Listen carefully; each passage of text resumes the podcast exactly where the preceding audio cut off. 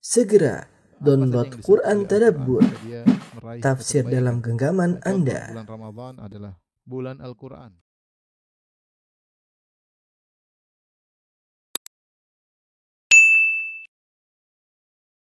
Bismillahirrahmanirrahim. Assalamualaikum warahmatullahi wabarakatuh. Alhamdulillahi ala ihsani wa syukru lahu ala taufiqihi wa amtinani wa asyhadu an la ilaha illallah wahdahu la syarika lahu ta'ziman li sya'ni wa asyhadu anna Muhammadan abduhu wa rasuluhu da'ila ridwani. Allahumma salli alaihi wa ala alihi wa ashabihi wa ikhwani. Uh, ikhwan dan akhwat yang dirahmati oleh Allah Subhanahu wa taala.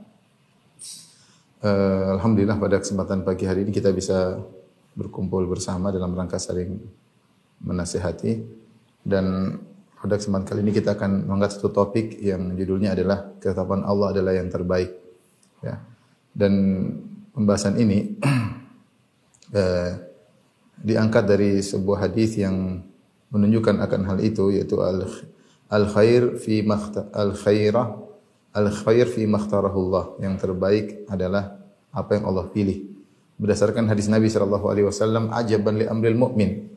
Innal amrahu kullahu khair wa laisa dzalika illa lil mu'min. Sungguh menakjubkan perkara seorang mukmin sungguhnya perkaranya seluruhnya adalah baik wa laisa dzalika illa lil mu'min ini tidak berlaku kecuali kepada orang yang beriman in asabahu sarra syakara fakana khairal lahu. Kalau dia mengalami perkara-perkara yang menyenangkan dia, hal-hal yang menggembirakannya, maka dia bersyukur dan itu terbaik baginya.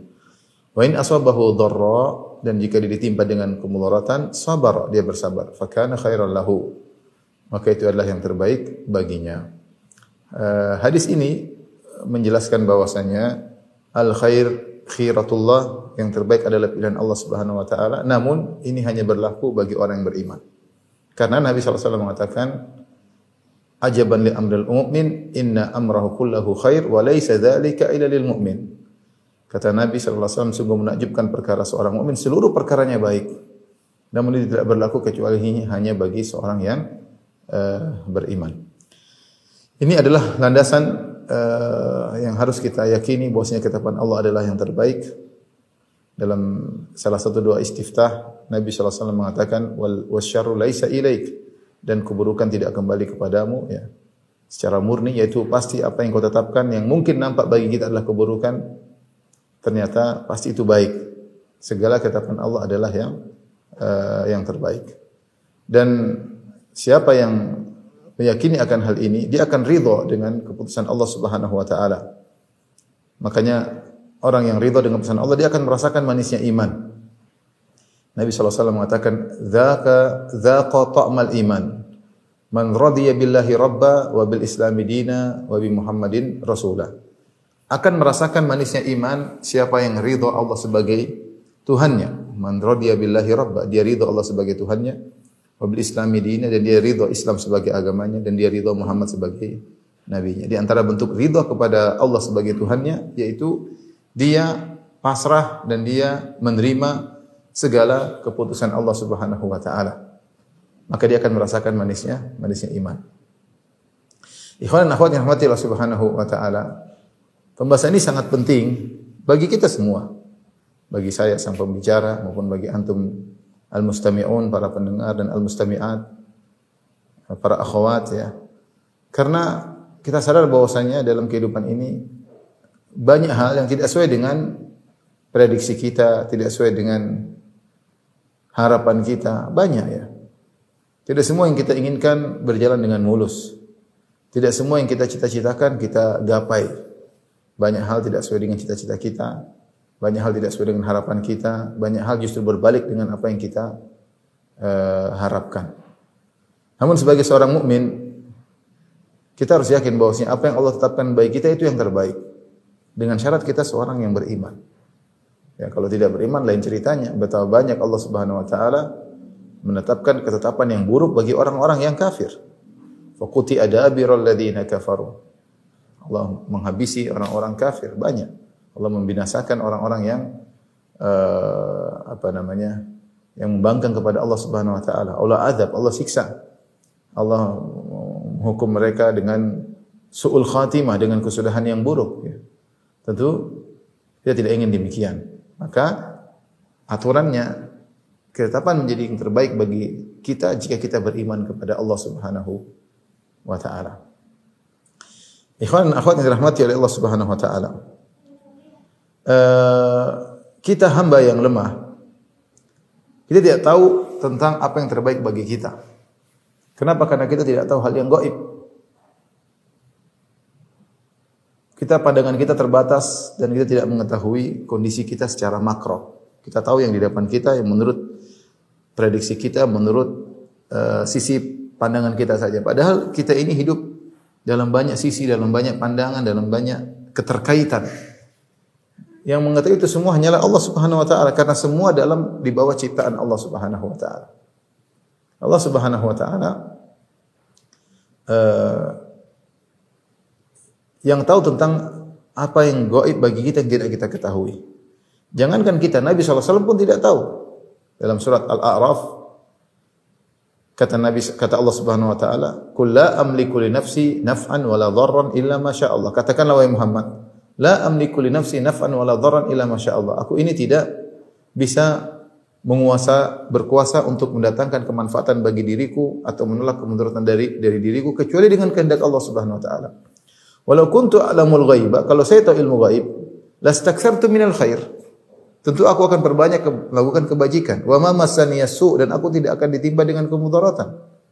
In ana illa nadhirun wa basyirun liqaumin yu'minun. Aku hanyalah pemberi kabar gembira dan beri peringatan bagi orang yang beriman. Nabi saja mengatakan, "Lau kuntu alamul ghaib," kalau aku tahu ilmu gaib, la saksartu minal khair. Tentu aku akan perbanyak melakukan kebajikan. Tapi Nabi tidak tahu ilmu gaib. Ya. Nabi tidak tahu. Nabi menyangka ini yang terbaik baginya ternyata tidak tidak tidak tepat. Nabi menyangka ini buruk baginya, ternyata tidak tidak tepat. Allah yang lebih tahu. Contoh sederhana, contoh sederhana. Nabi ditegur oleh Allah beberapa kali. Karena Nabi menyangka itu yang terbaik baginya. Seperti ketika Nabi SAW sedang berdakwah kepada besar-besar Quraisy, lantas datang Ibnu Umi Maktum yang buta radhiyallahu taala anhu kemudian Nabi bermuka masam dan berpaling dari Ibnu Umi Maktum. Kenapa? Menurut persangkaan Nabi, prediksi Nabi, apa yang dia lakukan sedang fokus kepada pembesar-pembesar Quraisy yang masih kafir untuk didakwahi. Ini lebih afdal. Karena jika pembesar-besar ini masuk Islam, maka bawahannya akan mudah masuk Islam. Sementara Ibnu Umi Maktum sudah Islam, sehingga ditunda tidak jadi masalah. Ini menurut prediksi Nabi SAW. Maka Nabi pun melakukan apa yang menurut dia terbaik. Nabi pun berpaling dari Ibnu Umi Maktum tersebut dan dia fokus untuk mendakwahi orang-orang gembong-gembong musyrikin tersebut. Tapi ternyata salah. Kata Allah Subhanahu wa taala, "Abasa wa tawalla an ja'ahu al-a'ma wa ma yudrika la'allahu yazakka aw yadhakkaru fatanfa'ahu dzikra amma man istaghna fa anta lahu tasadda wa ma 'alaika alla yazakka wa amma man ja'aka yas'a wa huwa yakhsha fa anta anhu talaha." Maka Allah tegur Nabi kata Allah, dia Rasulullah SAW bermuka masam dan berpaling ketika datang kepadanya seorang yang buta. Ya. Sementara orang yang merasa sombong, engkau sibuk untuk mendakwahinya. Sementara orang yang datang dalam kondisi semangat dan dalam kondisi buta, malah engkau berpaling darinya. Lihat, ini contoh sederhana. Nabi punya prediksi ternyata tidak tepat ya. Tidak tepat. Itu kalau Nabi pun tidak tahu apa yang terbaik bagi dirinya dari segala sisi, ya dalam segala hal, maka apalagi kita, apalagi kita. Karenanya kita disyariatkan untuk salat istikharah. Yang dalam salat istikharah tersebut kita mengakui ketidaktahuan kita tentang apa yang terbaik bagi diri kita. Apa doa istikharah? Allahumma inni astakhiruka bi ilmik wa astaqdiruka bi wa as'aluka min fadlikal azim fa innaka ta'lam wa la a'lam wa taqdir wa la aqdir innaka anta 'allamul ghuyub. Ya Allah, aku pilihanmu. Astakhiruka, aku minta pilihan, bukan aku yang milih ya Allah bi'ilmik dengan ilmumu yang maha mengetahui segalanya, maha mengetahui yang gaib, maha mengetahui yang terbaik untukku. Yang aku tidak lebih tahu daripada engkau lebih tahu daripada diriku sendiri. Seorang hamba tidak tahu apa yang masuk bagi dirinya. Allah lebih tahu. Kenapa? Karena cakupan kita sedikit, ilmu kita pendek. Pandangan kita pendek, sisi yang bisa kita lihat cuma sedikit. Padahal keterkaitan dengan kita banyak. Allah yang lebih tahu. Logika sederhana. Seperti kita punya anak. Anak kita Menurut dia maslahat dia tuh makan ini, main ini. Maslahat dia dia tidak. Itu karena memang ilmu dia cuma sampai situ. Menurut dia paling maslahat bagi seorang anak adalah main melulu. Paling maslahat bagi seorang anak adalah makan permen melulu. Tapi ibunya menegur, jangan makan ini aja. Sampai dia nangis. Kadang dia ini dicubit oleh ibunya. Kenapa? Ibunya lebih tahu tentang maslahat sang anak daripada sang anak sendiri. Meskipun sang anak tidak terima, meskipun pedih hatinya sampai dia menangis. Ketika dilarang ini, dilarang anu, kemudian diberikan sesuatu yang dia tidak sukai, disuruh makan apa yang dia tidak sukai, dipaksa makan yang tidak dia sukai. Ya, dia menangis. Karena dia tidak tahu itu maslahat bagi dirinya. Yang tahu ibunya, maka ibunya yang memaksakan. Ini logika sederhana falillahil walillahil mathalul a'la. Dan Allah perumpamaan yang lebih tinggi. Dan Allah arhamu bi ibadi min hadi bi walid. Allah lebih sayang kepada hambanya daripada seorang ibu kepada anaknya. Kita punya cita-cita. Kita punya keinginan. Menurut pandangan kita, prediksi kita, menurut perhitungan kita, ini yang terbaik bagi kita. Tapi ingatlah bahwasanya database kita untuk menilai terbatas. Kita tidak tahu ilmu gaib. Kehidupan kita terkait dengan banyak hal.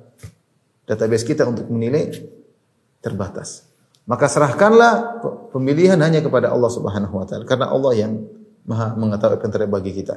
Itulah doa istikharah. Allahumma inni astakhiruka bi ilmik. Ya Allah, aku mohon pilihanmu untuk urusanku dengan bertawasul dengan ilmumu. Ya. Wa astakhiruka bi qudratik. Aku mohon pertolonganmu dengan kekuasaanmu. Ya. Karena aku tidak mampu. Kekuatanku terbatas.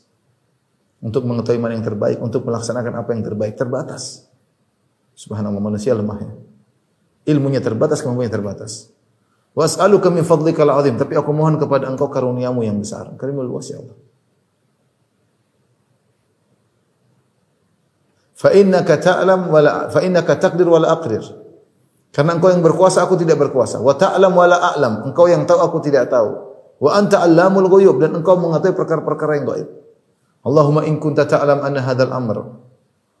Ya Allah, jika kau tahu per, per, perkara ini khairan li fidini disebutkan perkaranya nikah kayak beli barang kayak jual barang kayak pindah tempat tinggal kayak ya, dalam segala urusan yang kita perlu pilihan Allah maka kita salat kemudian baca doa istikharah tersebut.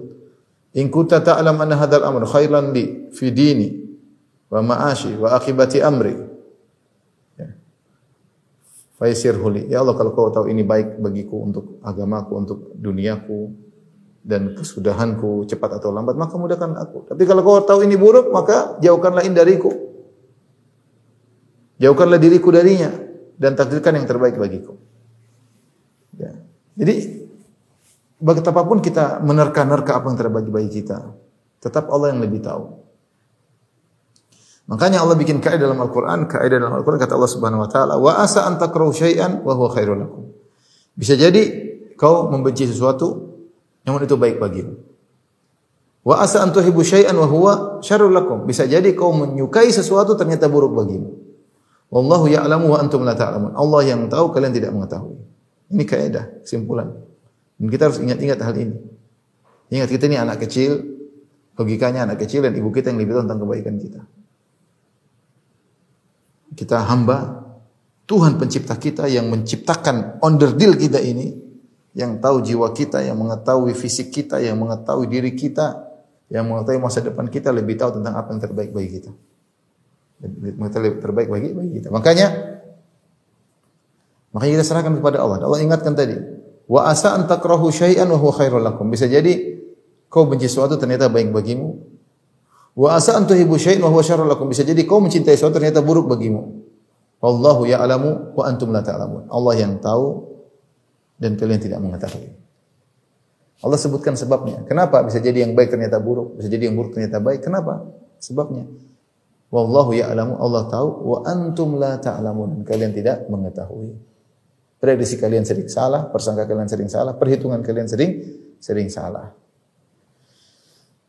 Jadi inilah yang membuat agar mengakar dalam diri kita dan kita akan hidup dengan tenteram. Kita akan merasakan manisnya iman kalau kita ridho dengan keputusan Allah. Karena kita tahu itu keputusan yang terbaik. Tuhan kita dialah Alamul Ghuyub yang tahu tentang hal-hal yang gaib. Ya. Tuhan kita yang mengatur segalanya. Afaman huwa qa'imun ala kulli nafsin bima kasabat. Apakah Tuhan yang mengurusi seluruh jiwa dengan apa yang dia lakukan? Jadi kita ini diurusi oleh Allah secara detail masing-masing kita. Jangan kita menyangka bahwasanya Allah tidak mengurusi kita secara person demi person. Allah ngurusin kita secara detail person demi person setiap urusan kita. Beda kalau kita bicara tentang penguasa di suatu di dunia, ya, taruhlah kita bicara tentang misalnya direktur suatu perusahaan. Jadi dia ngatur secara global doang. Dia tidak bisa ngatur anak buahnya secara detail. Karena kemampuan dia terbatas, ilmu dia terbatas, jangkauan dia terbatas. Apalagi kalau anak buahnya ternyata ratusan sampai ribuan, dia tidak mampu. Dia butuh pembantu-pembantu yang untuk mengurusi secara memberi informasi kepada dia. Apalagi kalau kita bicara tentang menteri, kita bicara tentang kepala negara, lebih sulit lagi. Allah tidak seperti itu. Allah mengurusi kita detail satu demi satu. Makanya betapa sering kita berdoa kepada Allah, Allah kabulkan. Di saat kita menghadapi suatu perkara yang seakan-akan mustahil, tiba-tiba Allah kabulkan. Kenapa? Karena Allah mengurusi kita detail satu demi satu. Sebagaimana Allah mengurusi saya, Allah mengurusi antum. Persan per persan. Jangan menyangka ya Allahnya tahu secara global enggak. Sebagaimana perkataan orang-orang falasifah bahwasanya mereka mengatakan ilmu Allah itu secara ilmu kulli bukan tafsiri, ilmu yang global bukan ilmu yang terperinci. Ta'ala Allah amma yaquluna uluan kabira. Maha suci Allah dari ucapan mereka tentang Allah Subhanahu wa taala. Jadi Allah Maha berilmu, kemudian Allah Maha mengurusi kita. Ya. Allahus Samad yang semua semua makhluk bergantung kepada Allah Subhanahu wa taala ya. Kemudian ingat Allah Al-Hakim, Allah Maha bijak. Di antara nama Allah yang harus kita perlu dalam dalam meyakini segala keputusan Allah yang terbaik adalah Al-Hakim. Allah itu Maha uh, maha bijak. Artinya tidak ada yang Allah tetapkan kecuali pasti adil. Pasti pada tempatnya, pasti pada porsinya, pasti pada porsinya. Karena al-hikmah itu wad'u syai' fi mawdhihi, meletakkan suatu pada tempatnya. Dan Allah al-hakim. Dan saya sampaikan bahwasanya al-hakim sifat Allah, hikmah ini adalah sifat dzatiyah. Sifat dzatiyah adalah sifat yang tidak pernah lepas dari Allah. Semua perbuatan Allah, semua ketetapan Allah, semua keputusan Allah, semua hukum Allah, semuanya hikmah. Tidak pernah satu detik pun Allah keluar dari sifat bijak, ada. Nggak mungkin. Karena sifatul hikmah adalah sifatun zatiyah lillah. Sifat zatiyah itu sifat yang tidak la tanfaq anillah, tidak pernah lepas dari Allah. Allah senantiasa memiliki sifat tersebut. Sehingga yakinlah tidak pernah Allah salah dalam memutuskan. Tidak pernah Allah keliru dalam memilih untuk hambanya. Allah pasti memilihkan yang tepat yang terbaik. Al khair fi makhtarahullah. Yang terbaik adalah apa yang Allah pilih.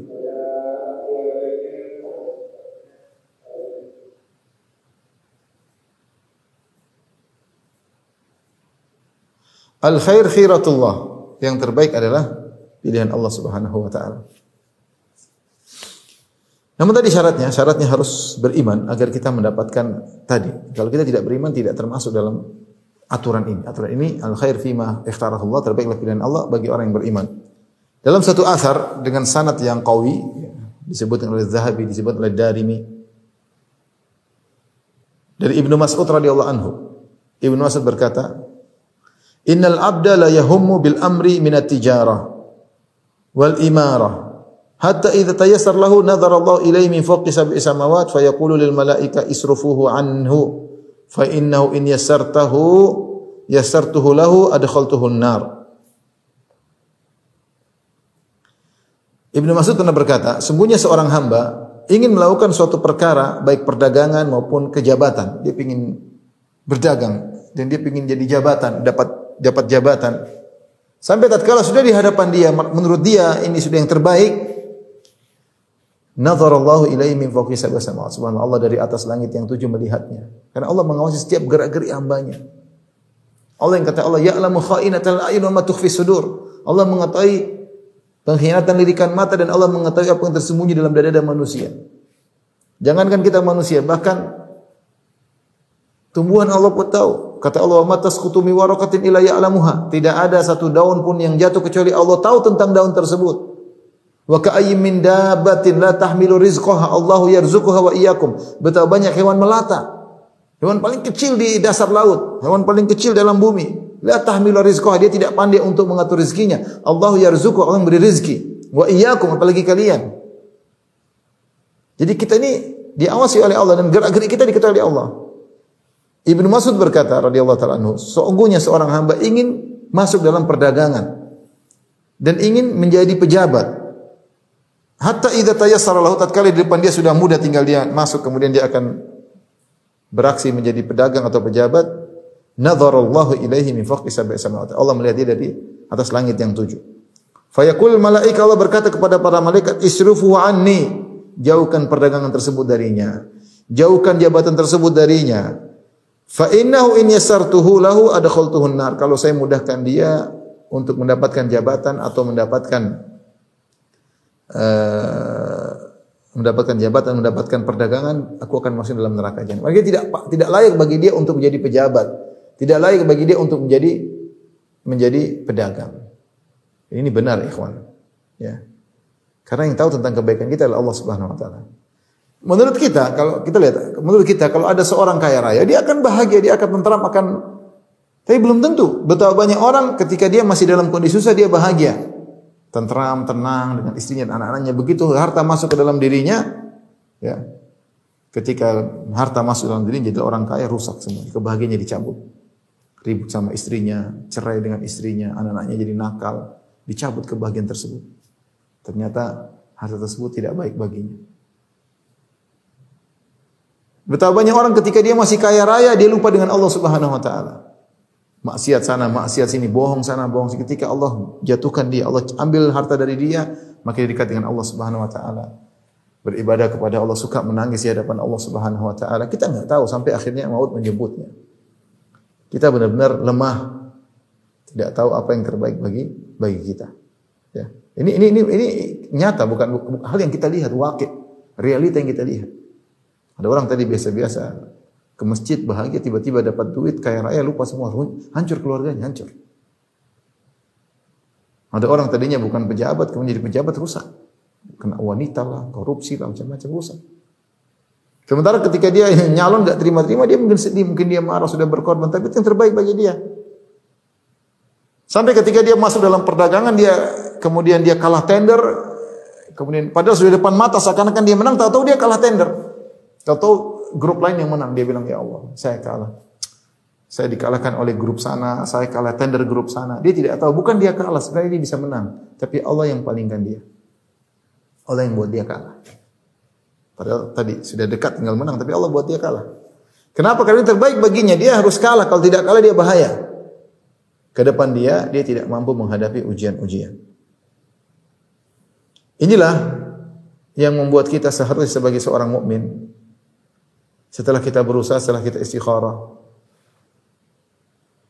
kita yakin bahwasanya apa yang Allah pilih yang terbaik bagi kita. Karena Allah dia adalah hakim yang maha bijak. Dialah ar-rahim yang sangat sayang kepada hamba-hambanya. Uh, dan dialah al-alim yang maha mengetahui apa yang terbaik bagi hamba-hambanya. Ya. Dan dialah maha mengurusi hamba-hambanya. Dengan secara detail. Ikhwan akhwat yang rahmatillah subhanahu wa ta'ala. Terlalu banyak contoh Allah sebenarnya Al-Quran tentang pilihan Allah yang terbaik. Banyak sekali. Saya sudah sampaikan dalam banyak pengajian. Saya akan sebutkan beberapa contoh yang lain.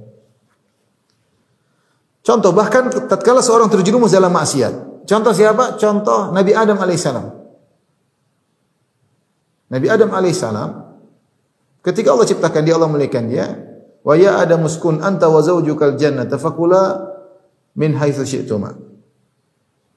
Wahai Adam, setelah Allah ciptakan Adam, menciptakan Hawa, kemudian kata Allah, "Ya Adam, tinggallah kau di surga bersama istrimu Hawa dan makan sepuasmu." Adam dan Hawa dia tidak tidak ada begitu-begitu saja ya, cuma dimuliakan masukkan dalam surga. Tapi dia bukan seorang rasul. Kemudian melakukan pelanggaran. Memakan buah yang dilarang. Dan Allah tegur dia, Alam anhakuma antil kuma syajarati wa aqul lakuma inna syaitana lakum aduwwum mubin. Allah bilang wahai Adam, bukan saya sudah larang kamu? Dan sudah saya ingatkan bahwasanya jangan kau kalian makan dari pohon tersebut dan sudah saya tegur bahwasanya syaitan adalah musuh kalian yang nyata. Adam berkata, "Qala rabbana zalamna anfusana." Adam dan Hawa berkata, Ya Rabb kami, kami telah menzalimi diri kami, diri kami. Wa illam taghfir lana wa tarhamna kalau engkau tidak maafkan kami dan tidak merahmati kami lanakunanna minal khasirin kami sungguh-sungguh menjadi orang yang merugi. Allah ampuni. Allah turunkan ke bumi.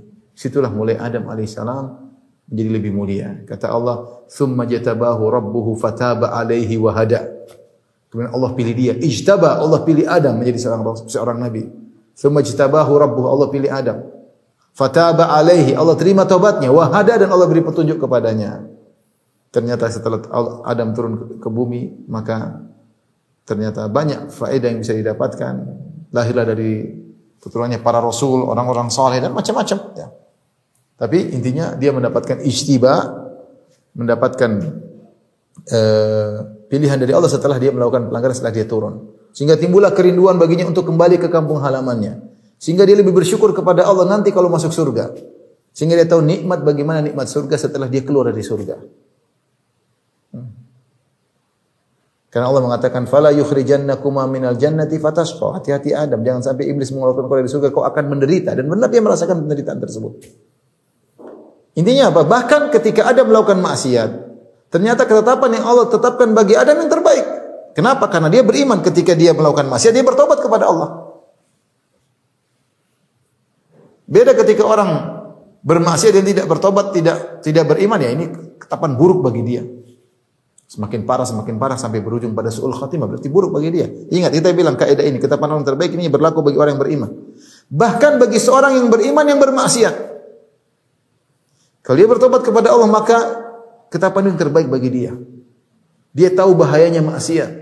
Dia tahu bagaimana pedih hati kalau jauh dari Allah Subhanahu wa taala. Dia tahu bagaimana was-was kekhawatiran yang menimpa hatinya ketika dia jauh dari Allah Subhanahu wa taala. Dia tahu bahwasanya kelezatan maksiat adalah kelezatan sementara yang menipu. Dia tahu semua kapan ketika dia bermaksiat. Oleh karenanya Ibnu Qayyim punya pembahasan bagus dalam kitab Madarijus Salikin menjelaskan tentang bagaimana kondisi orang. Apakah lebih baik sebelum kalau dia tidak berdosa sama sekali atau lebih baik kalau dia sudah berdosa dan bertobat? Ini ada ada pembahasan di kalangan para ulama. Tapi ada kondisi di mana seorang ketika berdosa kemudian bertobat lebih baik daripada sebelum sebelum dia bermaksiat. Di antaranya Adam alaihissalam. Ya.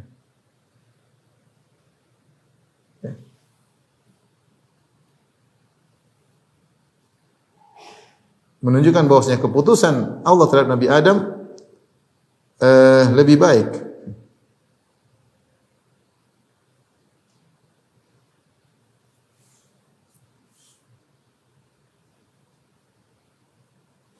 Di antara juga contoh bahwasanya orang yang melakukan kesalahan pun lebih baik daripada sebelum bersalah Nabi Daud alaihissalam. Allah sebutkan ya kisah Nabi Daud alaihissalam ketika dia salah berhukum ya. Allah mengatakan wa dhanna Dawud annama fatannahu fastaghfar rabbahu wa kharra raki'an wa anaba faghafarna lahu dhalik. Ketika Nabi Daud tahu dia salah berhukum karena terburu-buru memberi hukuman tidak mendengar dari dua, dua belah pihak terburu-buru tergesa-gesa, maka dia pun uh, sadar bahwasanya dia salah, telah salah berhukum dan dia tahu kami sedang mengujinya. Fastaghfar rabbahu segera beristighfar. Daud bersalah dan dia berdosa dan dia beristighfar. Wa kharra raki'an wa anab maka dia pun segera tersungkur, rukuk dan dia kembali kepada Allah. Dia dia berdosa. Tapi setelah itu kata Allah, "Faghfarna lahu dzalik." Kami uh, ampuni dia. Wa inna lahu indana la zulfa. Justru dia setelah bertobat Allah menyatakan dia memiliki kedudukan yang dekat dekat dengan kami. Wa husna ma'ab dan tempat kembali yang terbaik. Jadi ini contoh. Dan banyak orang seperti ada seorang tadi imannya biasa ketika dia bermaksiat kemudian dia sadar dia bertobat kemudian imannya gaspol lebih lebih tinggi daripada sebelumnya. Dan itu terjadi. Makanya dibahas oleh Ibnu Taimiyah rahimahullah. Bisa jadi seorang setelah melakukan dosa dia menjadi lebih baik daripada kalau dia tidak berdosa. Dia lebih baik daripada kalau dia tidak berdosa. Contohnya Adam alaihissalam.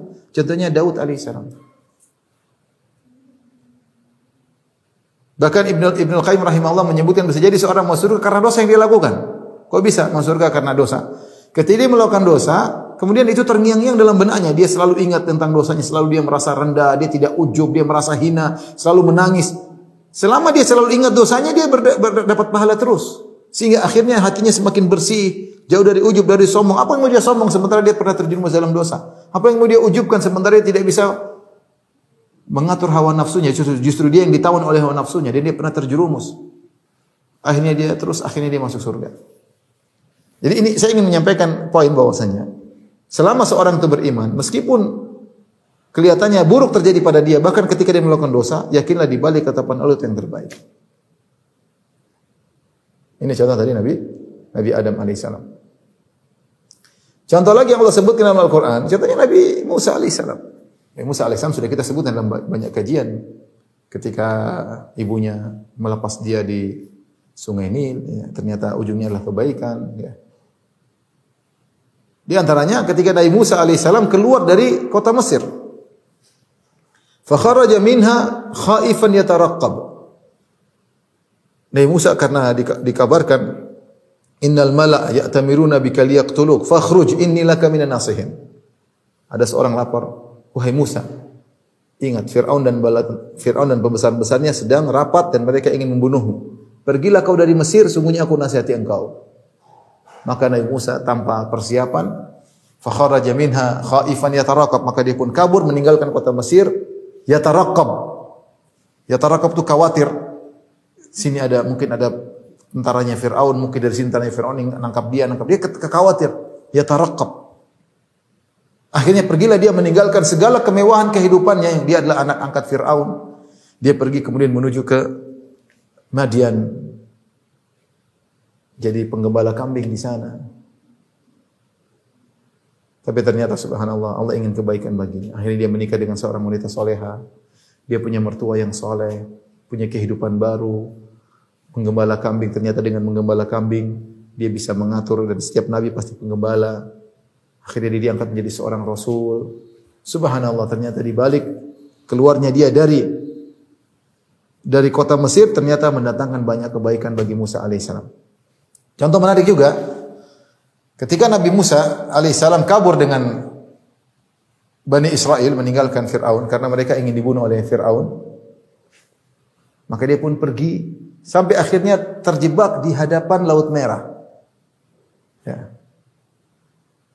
Falamma taro al-jam'ani di waktu fajar menyingsing, falamma taro al-jam'ani ketika dua pasukan saling melihat, itu pasukan Fir'aun dengan belantaranya yang banyak, tapi masih jauh. Dan kaum Nabi Musa melihat, falamma tara al-jama'ani, dua kumpulan saling melihat, qala ashabu Musa innala mudrakun. Kata pengikut Nabi Musa, kita bakalan ketangkap. Mau mau ke mana kita? Ke depan Laut Merah, ke belakang musuh, kita nggak bisa kabur. Kata Musa, kalla inna ma ya rabbi sayahdin. Sekali-sekali tidak. Allah bersama aku dan dia akan beri petunjuk kepadaku. Intinya akhirnya Musa memukulkan tongkatnya, kemudian laut terbelah. Wa faraqna bikumul bahra fa anjaynakum. Aghraqna alu fir'auna wa antum tanzurun. Maka kemudian Allah buka lautan, kemudian uh, Nabi Musa dan kaumnya melewati lautan tersebut. Bukan ini yang menjadi perhatian kita. Ini masih mukaddimah. Berjalan Nabi Musa dan kaumnya Fir'aun Fir'aun Sampai ketika Nabi Musa tiba di ujung Firaun dan belantaranya sampai di tepi di tepi apa namanya? Di tepi sungai, di, di tepi laut merah tersebut. Ya. Jadi Nabi Musa sudah sampai di ujung bersama. Sudah selamat semuanya. Firaun baru tiba di tepi laut tersebut. Tentu Firaun dia mikir dua kali mau masuk. Mau masuk ya. Nanti kalau lautnya tenggelam lagi, Sementara apa pikiran Nabi Musa ketika Nabi Musa selamat, Nabi Musa ingin segera menutup laut kembali. Dia ingin mukul, kemudian laut kembali lagi sudah Firaun akan ketakutan, kemudian sudah lolos. Ini pikiran Nabi Musa. Dia memilih untuk memukul kembali tongkat ke laut supaya laut tertutup sehingga selamat dia. Tapi ternyata Allah punya pilihan lain yang Nabi Musa tidak tahu. Kata Allah, "Watrukil bahra rahwan innahum jundun mughraqun." Kata Allah, "Watrukil bahra rahwan." Biarkan lautan jangan dipukul, biarin aja. Fir'aun yang tadinya mau masuk ragu-ragu, ketika dia melihat lautan masih tetap ke atas, air mengalir ke atas dan e, tanah menjadi yabasan, menjadi kering. Tadinya dia ragu ketika dia melihat laut tidak turun-turun, ah, ini berarti tidak akan turun laut tersebut. Akhirnya dia memberanikan diri untuk maju. Padahal tadi idenya Nabi Musa sudah pukul lautan tertutup, Firaun sudah pulang sana. Yang penting dia selamat. Tapi ternyata Allah punya pilihan yang lebih baik bagi Musa dan pengikutnya. Kata Allah, "Watrukil bahra rahwan." Biarin laut tersebut, jangan dipukul dulu. Sehingga akhirnya Firaun pun masuk. Fatajallada Firaun kata kata Ibnu Katsir, Firaun kemudian sok sok jagoan, padahal dia juga cemen, tapi dia karena mengaku sebagai Tuhan dia masuk ke dalam. Ketika dia masuk dia mengatakan, "Wahai kaumku, sungguhnya aku Tuhan, lihatlah laut terbelah untukku." Ayo ke semua datang, ini semua masuk. Ketika semua sudah masuk dalam lautan, baru Allah menyuruh mukul lautan kedua kali. Dipukul tertutup, maka mereka pun mugrakun, mereka pun tenggelam dan ada faedah wa antum tanzurun.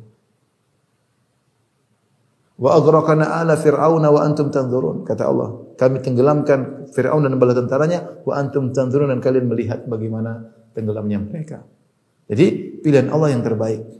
Kalau Musa harus memilih, dia tadi ingin mukul segera biar laut tertutup. Tapi Allah punya pilihan lain. Agar Fir'aun dan balantaranya binasa. Ini ketapan yang terbaik bagi Nabi Musa, ketapan terburuk bagi Fir'aun. Ini semua ketapan Allah. Tapi ketapan ini terbaik bagi Musa dan bala dan pengikutnya. Ini ketapan terburuk bagi Fir'aun dan bala tentaranya. Sejak saat itu Nabi Fir'aun disiksa oleh Allah dalam alam barzah sampai hari kiamat kelak. Ya. Makanya saya bilang Allah lebih tahu tentang apa yang terbaik bagi Eh, bagi kita.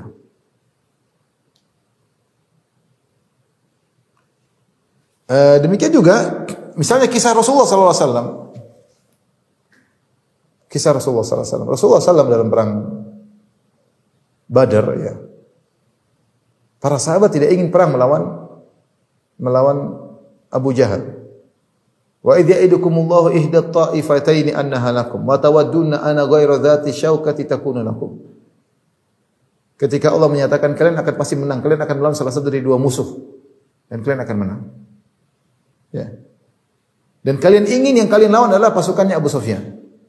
Ini kisah sederhana perang Badar ketika Abu Sufyan datang dengan bawa 40 pengawal dengan bawa emas yang sangat banyak, kalau salah 200 kg emas, 50 berapa ribu berapa ribu dinar ya.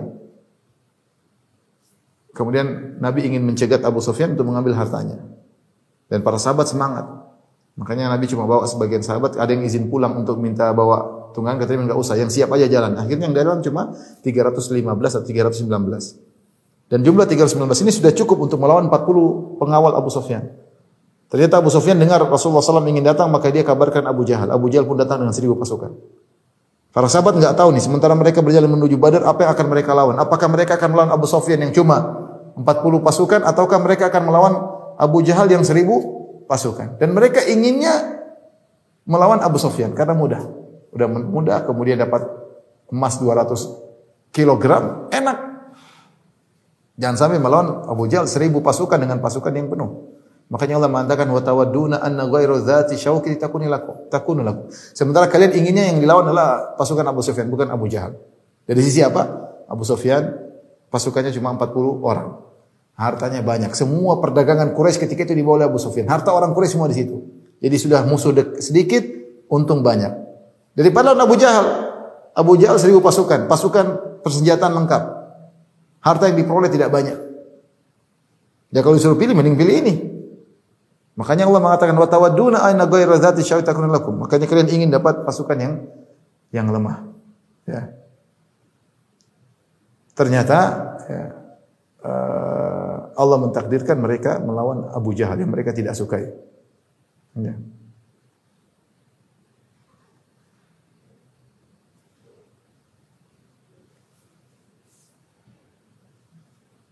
Ternyata mereka melawan pasukan yang lebih berat dan akhirnya mereka menang dan akhirnya jadilah peristiwa tersebut dengan Yaumal Furqan. Ternyata faedahnya lebih banyak. Mereka menjadi peserta perang Badar menjadi sahabat yang terbaik Sahabat yang baik adalah peserta perang Badar. Mereka dijamin surga. Hari perang Badar disebut hari Yaumul Furqan, hari pembeda terhak dan batil. Situlah kemudian Islam menjadi jaya. Orang-orang kabilah-kabilah lain kemudian segan kepada Islam. Kenapa Islam bisa mengalahkan Quraisy yang paling sombong ketika itu? Ternyata pilihan Allah yang terbaik. Sama seperti ketika Nabi SAW harus keluar dari kota Mekah. Rasulullah SAW keluar dari kota Mekah. Bukan senang-senang. Rasulullah SAW sedih harus meninggal kota Mekah. Beliau bertahan, bertahan, bertahan berdakwah di kota Mekah. Sampai sebagian sahabat dibunuh, sampai sebagian harus bersahabat, harus berhijrah ke negeri Habasyah. Rasulullah bertahan. Karena ini kampung halamannya, Ka'bah di situ.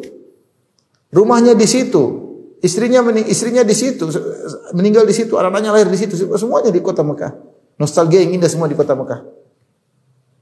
Tapi ternyata tidak menyenangkan. Mereka ingin bunuh Nabi SAW. Siapa yang senang kemudian kabur, dikejar-kejar, sembunyi dalam gua Jabal Thawr. Semua tidak menyenangkan.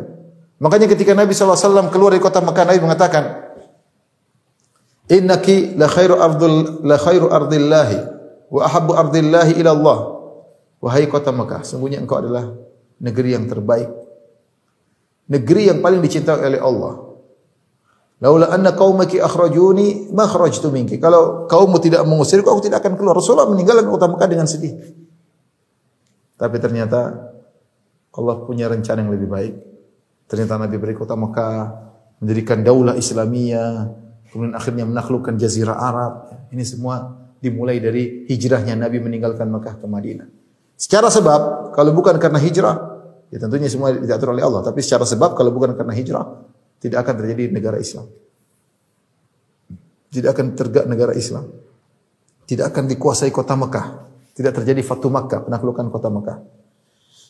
Ini semua menunjukkan bahwasanya eh, pilihan Allah adalah yang uh, yang terbaik ya. Dan banyak kisah-kisah yang sudah pernah saya sampaikan dalam pengajian lain. Kisah Nabi Yusuf alaihissalam, kisah Nabi Musa dalam sisi yang lain ya. Uh, kisah hadisatul ifk, kisah, kisah Aisyah radhiyallahu taala anha uh, dan banyak ya. Saya tidak ingin mengulang karena sudah pernah saya sampaikan di uh, Eh, kajian eh, kajian yang yang lain. Demikian dalam hadis-hadis Nabi SAW betapa banyak ya. Demikian Al-Quran seperti kisah siapa? Uh, kisah uh, Nabi SAW ketika menikah dengan Zainab bintu Jahshin ya.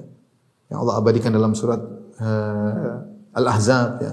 Itu juga kisah yang menarik sudah pernah saya sampaikan juga ya. Uh, kemudian juga dalam hadis-hadis Nabi misalnya tentang Ummu Salamah radhiyallahu taala anha yang meninggal suaminya Abu Salamah lantas dia berdoa kepada Allah akhirnya Allah menggantikan dengan suami yang lebih baik yaitu Nabi Muhammad SAW. Contoh kisah seperti dalam hadis juga uh, kisah Fatimah bintu Qais ketika dia dilamar oleh Muawiyah bin Abi Sufyan dan di Abu Jaham. Kata Rasulullah jangan nikahi mereka berdua nikahilah ingkahi Usama.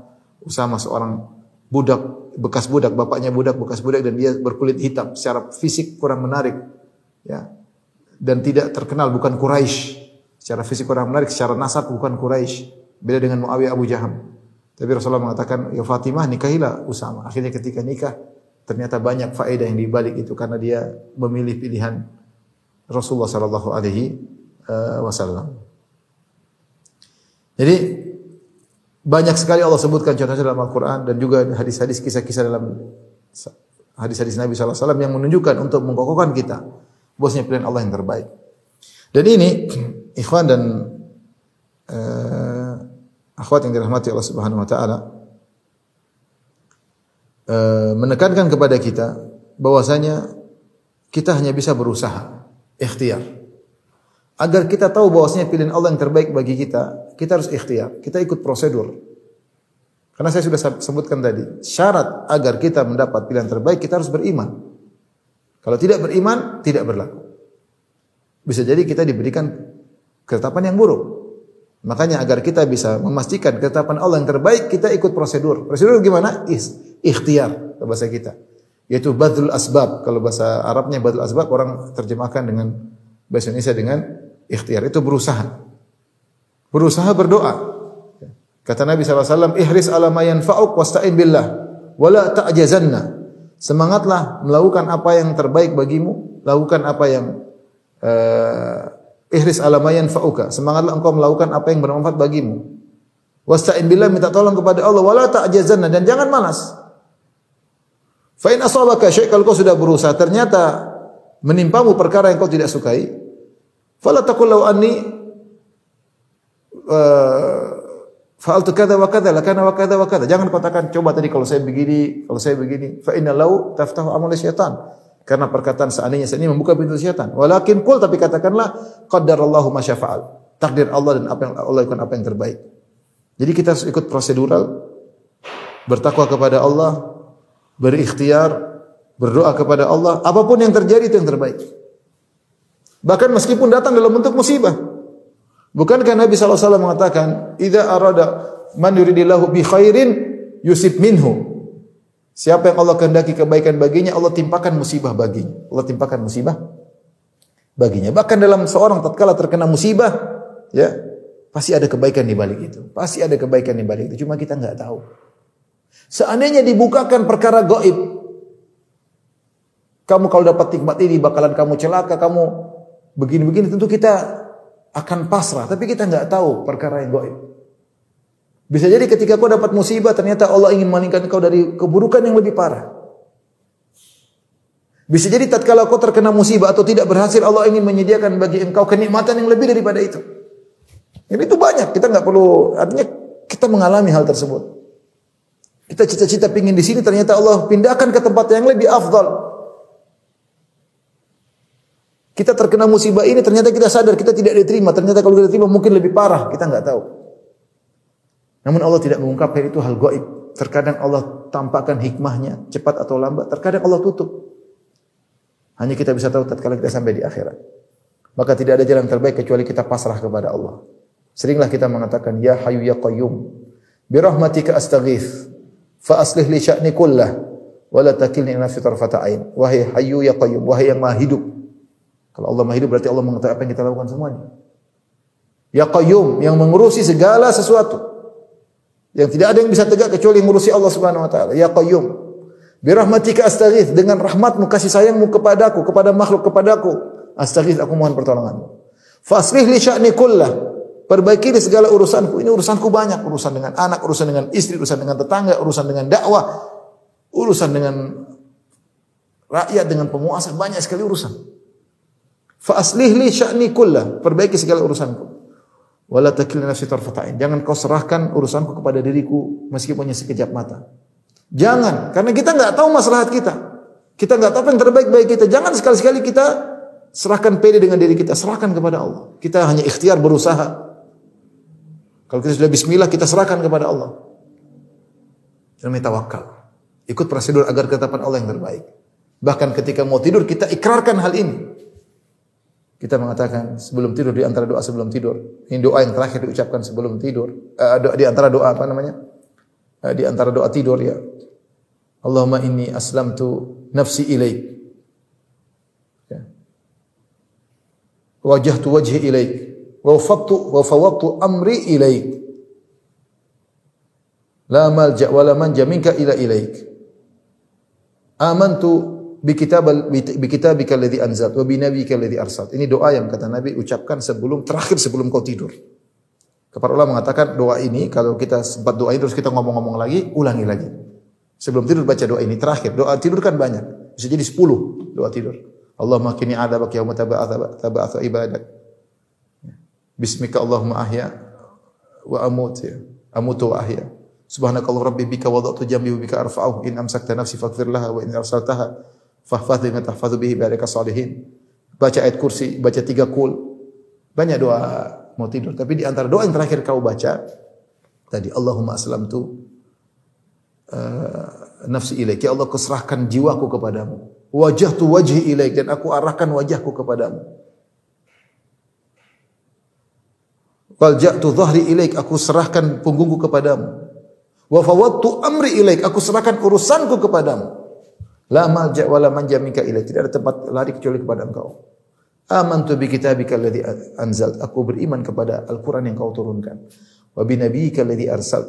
Dan aku beriman kepada nabimu yang kau utus. Kemudian tidur.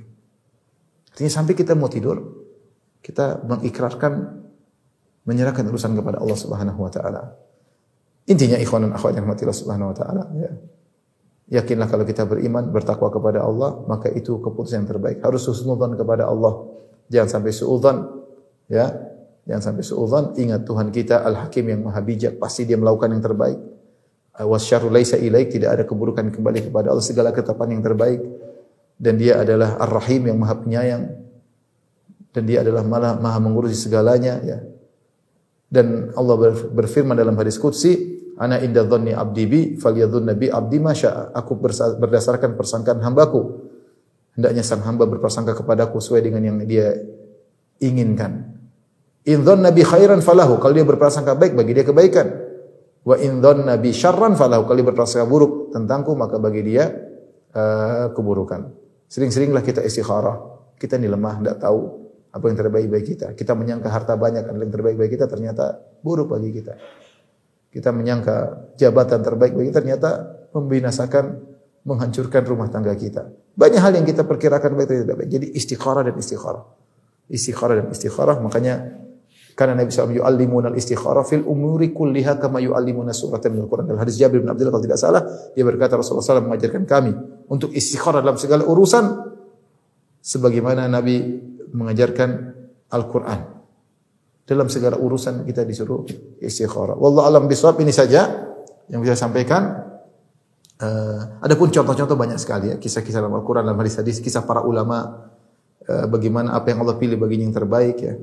Mungkin terakhir saya sebutkan kisah terakhir, kisah disebut oleh para ulama tentang kisah uh, Imam Nawawi rahimahullah taala. Imam Nawawi rahimahullah taala dia memulai uh, kehidupan itu menuntut ilmunya dengan belajar otib, belajar ilmu medis ya, kedokteran. Maka dia bacalah buku Al-Qanun karya Ibnu Sina. Uh, dia boleh baca baca buku yang sulit ya. Dan akhirnya dia tidak suka dengan ilmu ini. Dia tidak suka bukunya Ibnu Sina.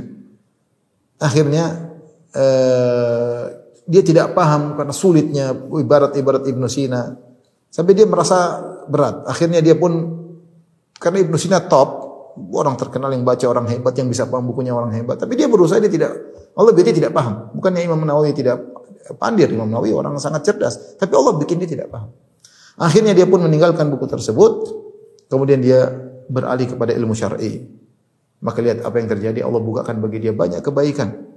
Lihatlah buku-bukunya, Riyadus Salihin, uh, Al-Azkar, kemudian kitab Arba'in Nawawiyah, ya kemudian Al-Minhaj syarah Sahih Muslim, Al-Mujmu' syarah Al-Muhadzab, semuanya kitab-kitab hebat yang dimanfaatkan oleh kaum muslimin sampai sekarang. Jadi wa asa an takrahu syai'an wa huwa khairul lakum. Bisa jadi apa yang kau tidak sukai ternyata baik baik bagimu. Allah alam bisawab. Demikian ikhwan-ikhwan di Tolong Agung dan juga para uh, pemirsa yang saya sampaikan pada kesempatan ini kurang mohon maaf. Wabillahi taufiq Assalamualaikum warahmatullahi wabarakatuh.